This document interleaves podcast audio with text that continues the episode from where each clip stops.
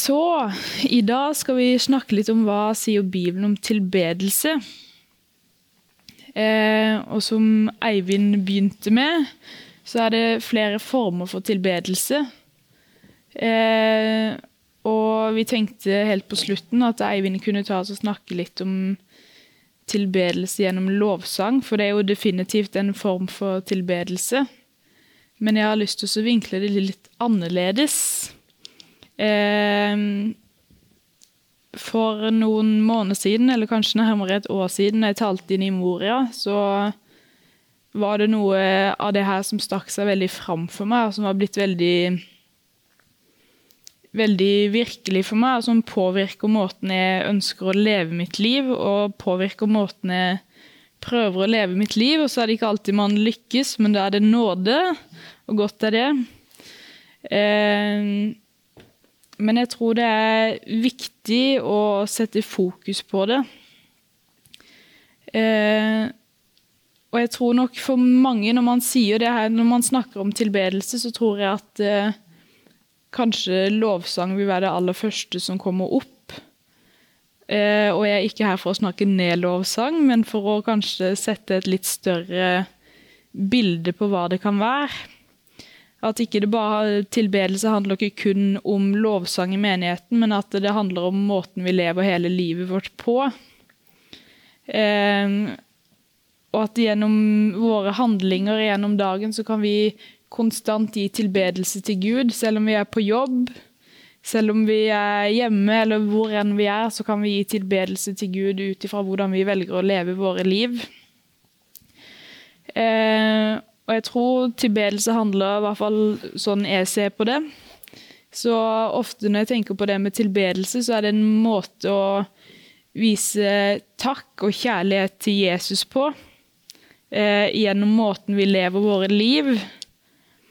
Og at eh, for min del at det er en hjertetilstand.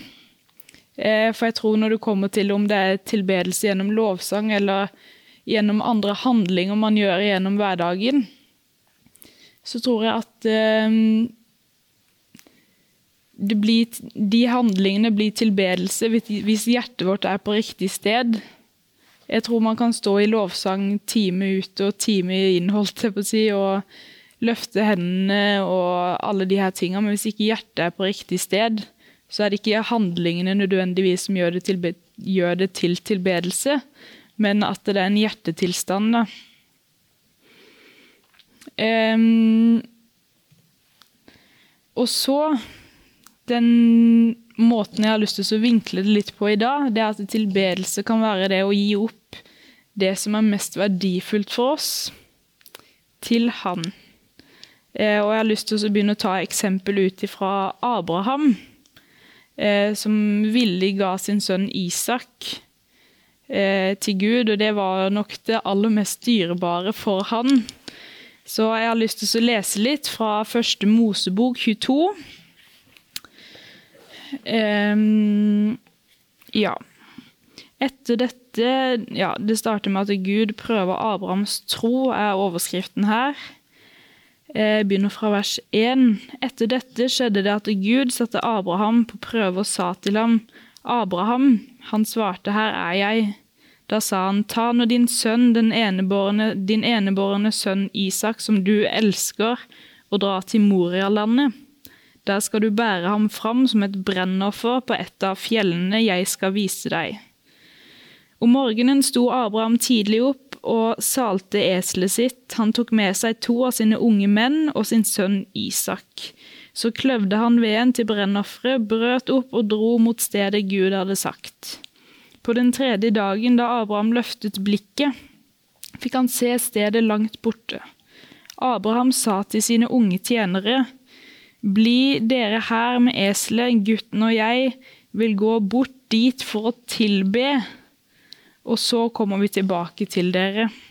Så tok Abraham veden til brennofferet og la, det på, la den på sin sønn Isak. Han tok ilden og kniven i hånden, og så gikk de to sammen. Eh, så vet vi jo at eh, det endte ikke med at han måtte ofre sin sønn. Eh, men vi så at han var villig. Og faktisk så er det her førsteplass i Bibelen hvor det, altså begrepet tilbedelse blir brukt. Og her handler det jo ikke om en lovsangsetting, men her handler det jo om et offer. Eh, og det er det her med offer og lydighet jeg har lyst til å snakke litt om. Eh, for det at i tilbedelse i det her øyeblikket, det var jo lydighet og offer. Han var lydig til det Gud sa han skulle gjøre. Eh, og så var han villig til å ofre. Og i hvert fall sjøl så tar jeg meg veldig mange ganger i at eh, jeg er villig til å ofre så lenge det er innenfor min komfortsone. Eh, men det er veldig typisk Gud å spørre oss om, eh, om ting som er på utsida av den komfortsona vi liker å være i. Og er vi da villige til å tilbe Han gjennom offer og gjennom lydighet? Um, og jeg tror jo at Eller altså en annen ting er jo at offer det har jo alltid vært Guds natur. Eh, og vi kan jo også se det gjennom når han ofra sin egen sønn, han òg. Eh, og jeg tror jo Vi har jo lyst til å bli med altså Gud og Jesus og Den hellige ånd er ett.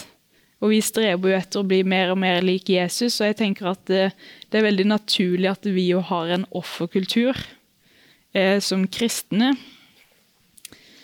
Og så er det viktig å påpeke at eh, det er ingenting vi kan gjøre gjennom handlinger eller offer eller ting og tang som kan gjøre oss mer elska av Gud. Ehm, så det er ikke ut ifra det perspektivet. Jeg personlig sjøl har vært eh, der før. Eh, at ikke identiteten min har vært grunnfesta nok. Og at jeg har gjort mange handlinger ut ifra det å bli mer akseptert av Gud eller mer elska av Gud. Selv om ikke det har vært i tankene mine, så er det det som har vært i underbevisstheten. holdt Jeg på å si. Jeg vet ikke om det er riktig ord. Eh, men hvis, man, hvis jeg gransaker meg sjøl av og til ut ifra hva jeg gjør, hva er, hva, er, hva er, grunnen for at jeg gjør de tinga jeg gjør, eh, så kan jeg se perioder i mitt kristenliv hvor jeg har gjort mye ting for å være akseptert eller bra nok i Guds øyne. Og når det kommer til det her med offer, så er det veldig viktig å påpeke akkurat det, at det er ingenting vi gjør i våre kristenliv som kan gjøre oss mer elska av Gud enn vi allerede er. Eh, han elska oss så mye at han sendte sin sønn Jesus til å dø på et kors for oss. og det Altså, det er ingenting vi kan gjøre i denne verden som får eh, han til å elske eller akseptere oss mer enn det han allerede gjør. Um, og det er jo der identitet er veldig viktig, og vi har jo akkurat hatt Martin Rehn her. Eh, og jeg husker før første gang jeg skulle tale i Moria, så fikk jeg sitte på Himmelpartner bibelskole, vet du, og under hans sin undervisning en hel uke. Og jeg husker at jeg var så nervøs til å tale fram til han sa én setning. Og det er at det, eh, uansett om man taler en dårlig tale, så er man fortsatt like elska av Gud. Så tenkte jeg ja, ja, da har det ikke så mye å si hva jeg gjør på den scenen. Nei da. Men det er viktig å komme til det, til det punktet der. Um, at uh, det her med offer det handler ikke om vår identitet, men det handler ene og alene om tilbedelse. Og det at uh, man får et møte med han. Man, får, man blir kjent med han gjennom Guds ord. Eh, og man får være i bønn og tilbedelse og være med han. Og at det da blir en naturlig respons av vår kjærlighet til han og hans kjærlighet til oss, at vi ønsker å ofre tilbake. Ehm, det blir vår naturlige respons, og så ut ifra det så blir offeret et privilegium. At man kommer til det punktet at det blir et privilegium å legge ned våre liv for Han. Ehm, jeg har lyst til å lese et bibelvers fra Romerne 12,1. Jeg ber dere derfor på det sterkeste søsken ved Guds barmhjertighet, at dere fremstiller deres kropper som et levende, hellig og velbehagelig offer for Gud. Dette er deres åndelige gudstjeneste. Eh, og på den engelske oversettelsen, det, dette er deres åndelige gudstjeneste. Altså gudstjeneste i, i, På den engelske versjonen så står det 'worship', altså tilbedelse. Så man kunne jo på et vis sagt dette er deres åndelige tilbedelse. Det å stelle, fremstille deres kropper som et levende, hellig og velbehagelig offer for Gud. Eh, og da er det deres kropper altså Det jeg tenker når jeg leser det her bibelverset, er at det, altså det, det, er kroppen min, det er livet mitt, det er måten jeg velger å leve livet mitt på. Eh, og jeg jobber jo 100% her på huset, holdt jeg på å si. Men en liten fun fact er at jeg jobber på Kiwi i Bergemoen på fredagene. Når jeg er i Norge. Og det føler jeg er eh, veldig spesielt å få være på Kiwi.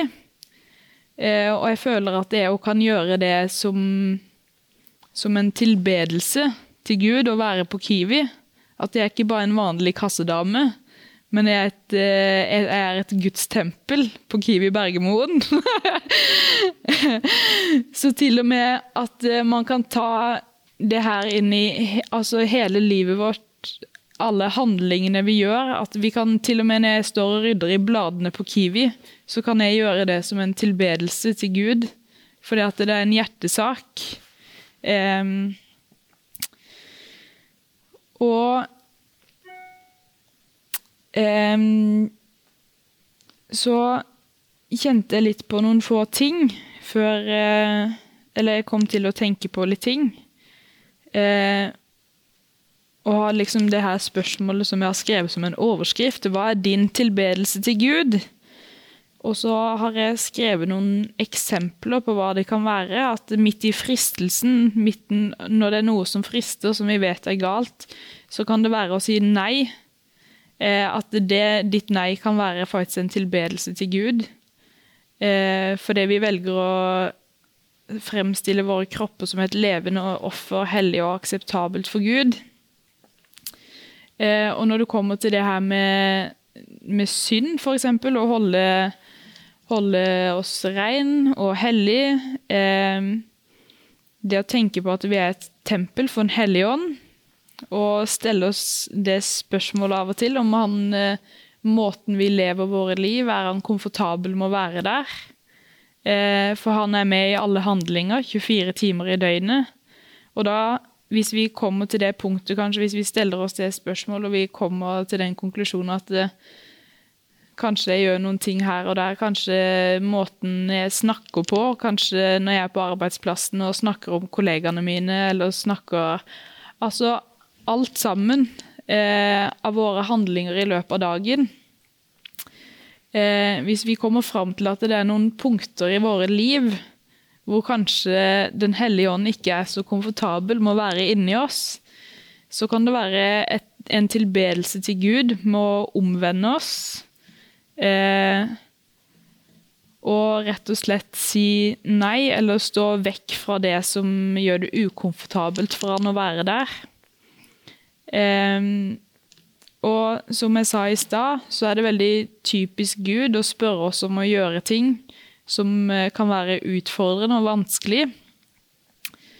Eh, og som er langt. altså For min del så spør han meg om å, jeg må be han jekke seg av og til. Nei da.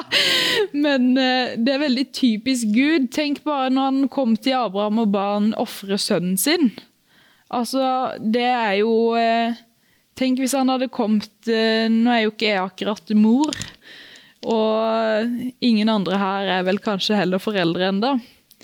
Men se for deg den dagen du får et barn, og hvis Gud kommer til deg og ber deg ofre det barnet Nå tror jo ikke jeg det kommer til å skje, men at man bare setter Altså, Gud spør ofte om store ting. Og nå må vi jo, som sagt, igjen Jeg tror jo ikke det kommer til å skje, at Gud ber deg ofre ditt barn. Men eh, at vi velger å gjøre det som er rett. Vi velger å høre til Guds stemme og velger å følge Hans ord og gjøre det istedenfor det som nødvendigvis er lett. Og bare Et eksempel det å stå på Guds ord i den tida her, stå på de bibelske prinsippene. Det trenger ikke alltid å være lett, men at vi da, som en tilbedelse og et offer for Gud, så velger vi å, å, å stå på det og gjøre det som er rett, overfor det som eh, som kan være lettere da, å fjerne litt og legge til litt, kanskje. um, og i de tinga der òg, så kan man komme til det punktet hvor eh, offer og overgivelse Det er kanskje vanskelig, men det er et privilegium å gjøre det. Um, jeg har lyst til å bare si noen av mine favoritt... Um, noen sånne historier jeg har hørt om mennesker som har gjort skikkelig inntrykk på meg. Eh, og det er for eksempel moravianerne, eh, som var en gruppe misjonærer. Eh, og det er en historie om de som eh, Nå husker jeg ikke nøyaktig alle detaljene, men det er i hvert fall en historie om mange misjonærer som satte seg på en båt og skulle reise ut på misjonsmarka, eh, hvor familiene sto igjen på land.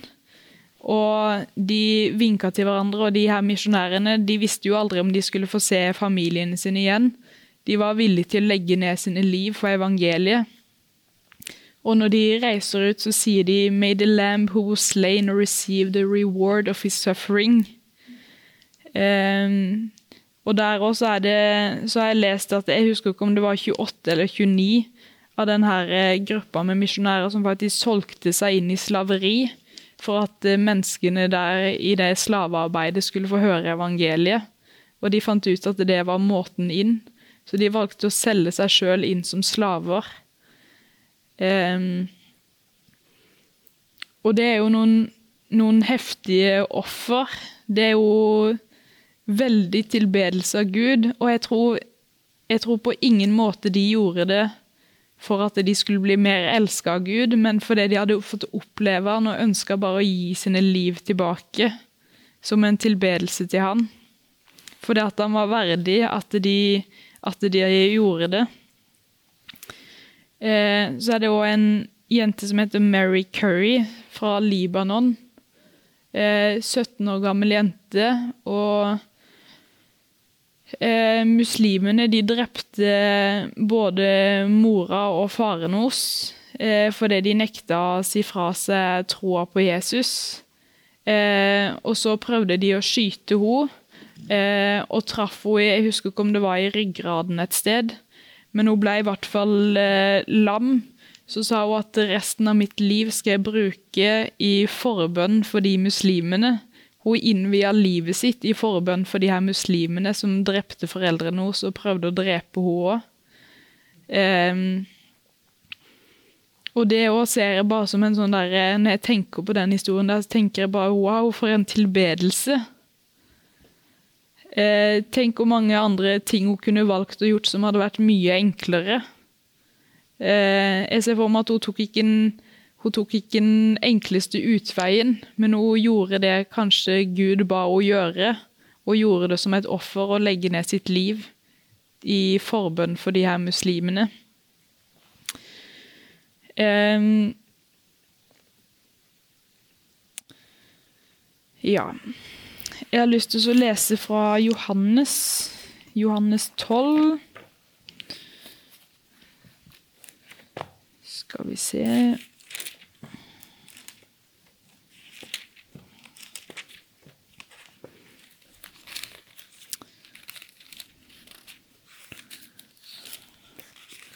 Nå var det ikke lett.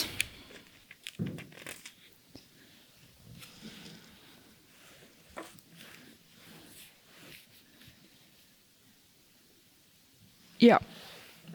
Eh, fra starten av Johannes 12 eh, Seks dager før påske kom Jesus til Betania, der Lasarus bodde, han som hadde vært død, og han som ble, hadde vekket og, han, og som han hadde vekket opp fra de døde.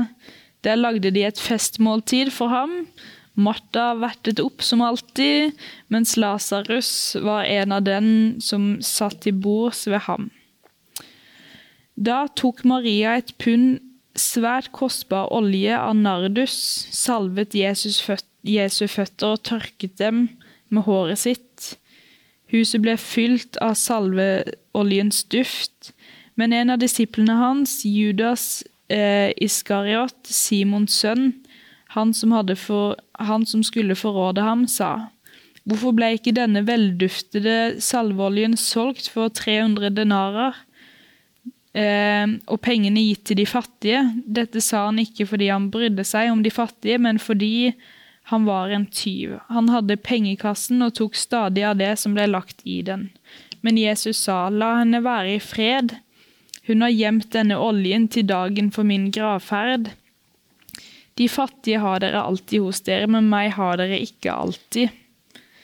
Eh, og her kan vi jo faktisk se hvordan hun eh, ga kanskje det aller mest dyrebare hun hadde. Eh, I sida på Bibelen her så står det faktisk at et pund nardussalve hadde en verdi Skal vi se, beklager. Et pund nardusalve hadde en verdi på ca. 300 denarer, nesten en årslønn. Eh, og tenk det at hun tok nesten en årslønn, hvis man kan se det i pengeverdi, og tok det på Jesu føtter. Eh, og det var jo fordi hun tenkte at Jesus var verdt det. Var verdt, han, var verdt, altså han var verdt den olja. Og det har, det har, hun jo kommet til et punkt i livet sitt fordi hun har fått erfare den. Eh, og jeg tror jo at hun tenkte at det var hun sitt privilegium. Det her hadde hun Jesus foran seg. Det var hun sitt privilegium å ta denne dyre olja på hans føtter. Eh, og det tror jeg hun som sagt, jeg tror hun kommet til det punktet gjennom å kjenne han og erfare han, og jeg, jeg, tror det er der vi får denne livsstilen ut ifra. Hvis vi får nettopp sånn som hun, kjenner han og erfarer han og blir elska av han og være i hans nærvær, og jeg tror jo mer vi kommer inn i de her tinga, jo mer blir det vårt jo mer ønsker vi å gi det mest dyrebare vi har, tilbake til han. Um, og bare som en sånn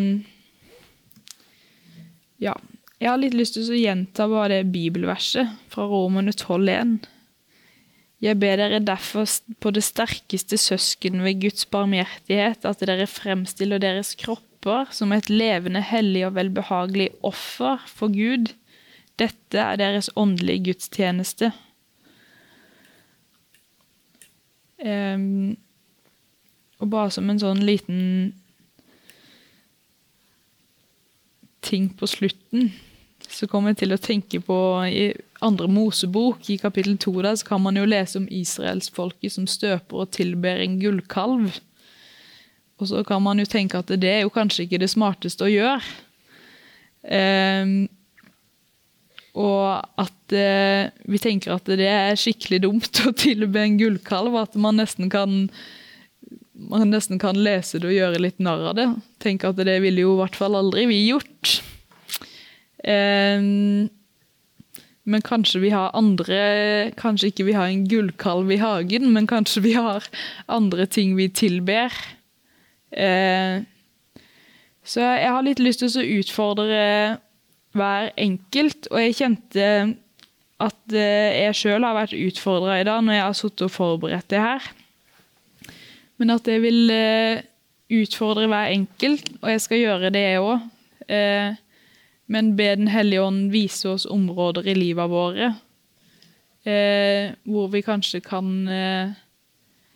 gjøre noen endringer for at eh, ikke bare 19 timer av døgnet, men 24 timer av døgnet skal være en tilbedelse for han.